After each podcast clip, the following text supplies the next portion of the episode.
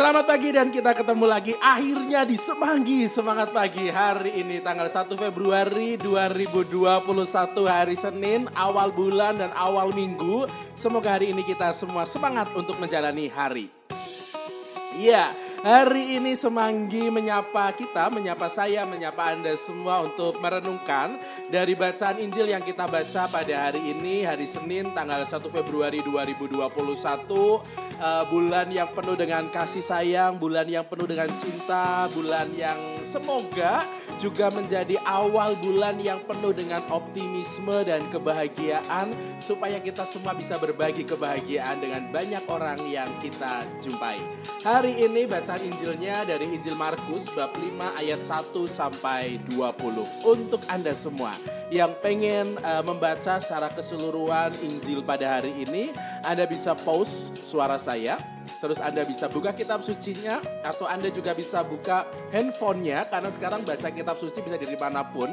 Maka kita bisa membacanya sendiri-sendiri. Tapi kalau Anda tidak ingin membacanya dulu, kita bisa langsung masuk dalam permenungan hari ini dalam Semanggi. Semangat pagi hari ini 1 Februari 2021. Iya, hari ini bacaan Injilnya dari Injil Markus bab 5 ayat 1 sampai dengan 20. Ini masih merupakan bacaan atau Injil Markus pada bab-bab uh, pertengahan. Jadi sudah masuk pada bab 5. Yesus sudah banyak beraktivitas bersama dengan para muridnya.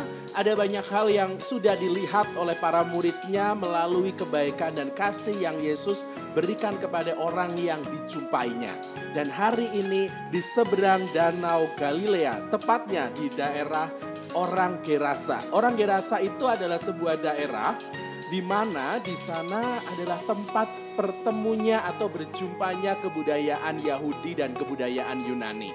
Jadi kalau secara uh, budaya atau secara uh, tata ibadah mereka, religiusitas mereka, mereka adalah masyarakat yang punya percampuran kebudayaan Yahudi dan kebudayaan Yunani. Maka tata peribadatan Yahudi saat itu sudah tidak murni karena bercampur dengan kebiasaan ya-, Yunani di mana mereka juga punya kebiasaan untuk menyembah dewa-dewi dan juga berhala. Maka secara sosial latar belakang orang Gerasa atau orang yang tinggal di daerah ini adalah sebuah uh, tempat atau sebuah kelompok masyarakat yang tidak murni menjalani kehidupan Yahudi saat itu yaitu menyembah satu Allah atau Yahweh gitu ya. Nah, hari ini Tuhan berjumpa dengan seorang yang kerasukan roh jahat di Gerasa roh jahat ini membuat uh, si manusia yang dirasukinya ini berkeliaran, membuat orang takut dan khawatir karena mengancam keselamatan banyak orang, maka dia ditempatkan di sebuah kuburan. Teman-teman, saudara-saudari sekalian, Anda atau kita semua mari kita membayangkan untuk menjadi seperti orang Gerasa yang kerasukan roh jahat.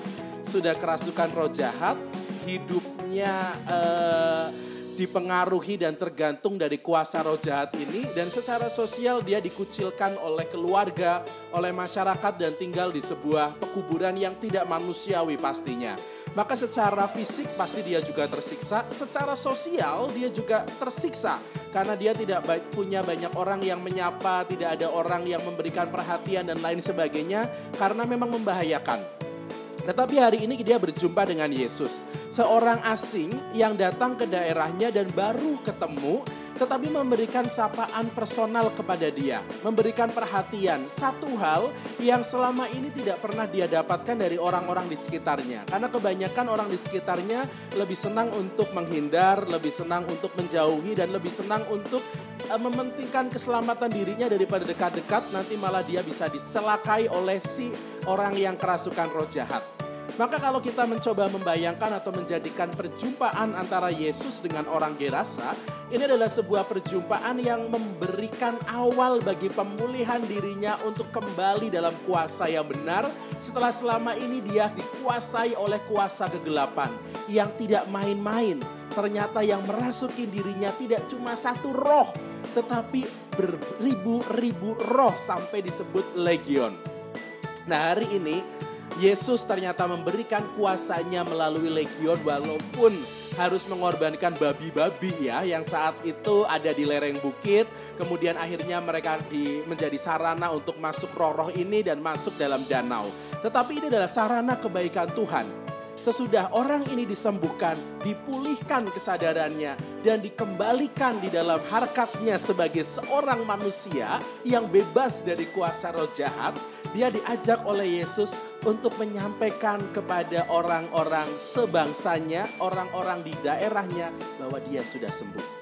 Dan hari ini bahwa kata-kata Yesus untuk mengatakan kepada orang di sekitarnya bahwa dia sudah sembuh adalah sebuah ungkapan kasih bahwa kebaikan Tuhan, kebaikan Allah itu harus diwartakan kepada banyak orang.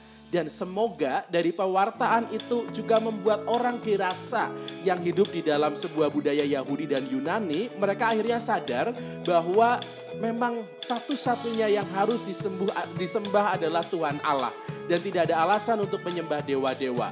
Maka Hari ini satu hal yang rasanya bisa menjadi sebuah motivasi dan awal hari kita adalah perjumpaan dengan Tuhan Yesus, perjumpaan dengan Allah yang membuat kita merasakan kasihnya, dikembalikan dalam sebuah harkat manusiawi harus kita wartakan ke banyak orang berkat yang kita terima harus diberikan pula kepada orang lain sebagai berkat yang dibagikan.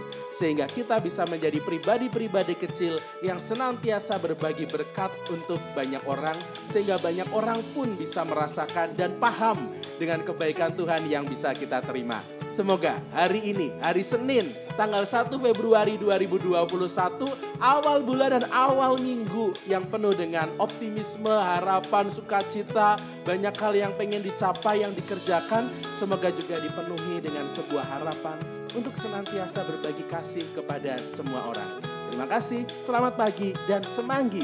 Semangat pagi hari ini semoga menjadi semangat untuk kita semua. Terima kasih, see you dan bye-bye.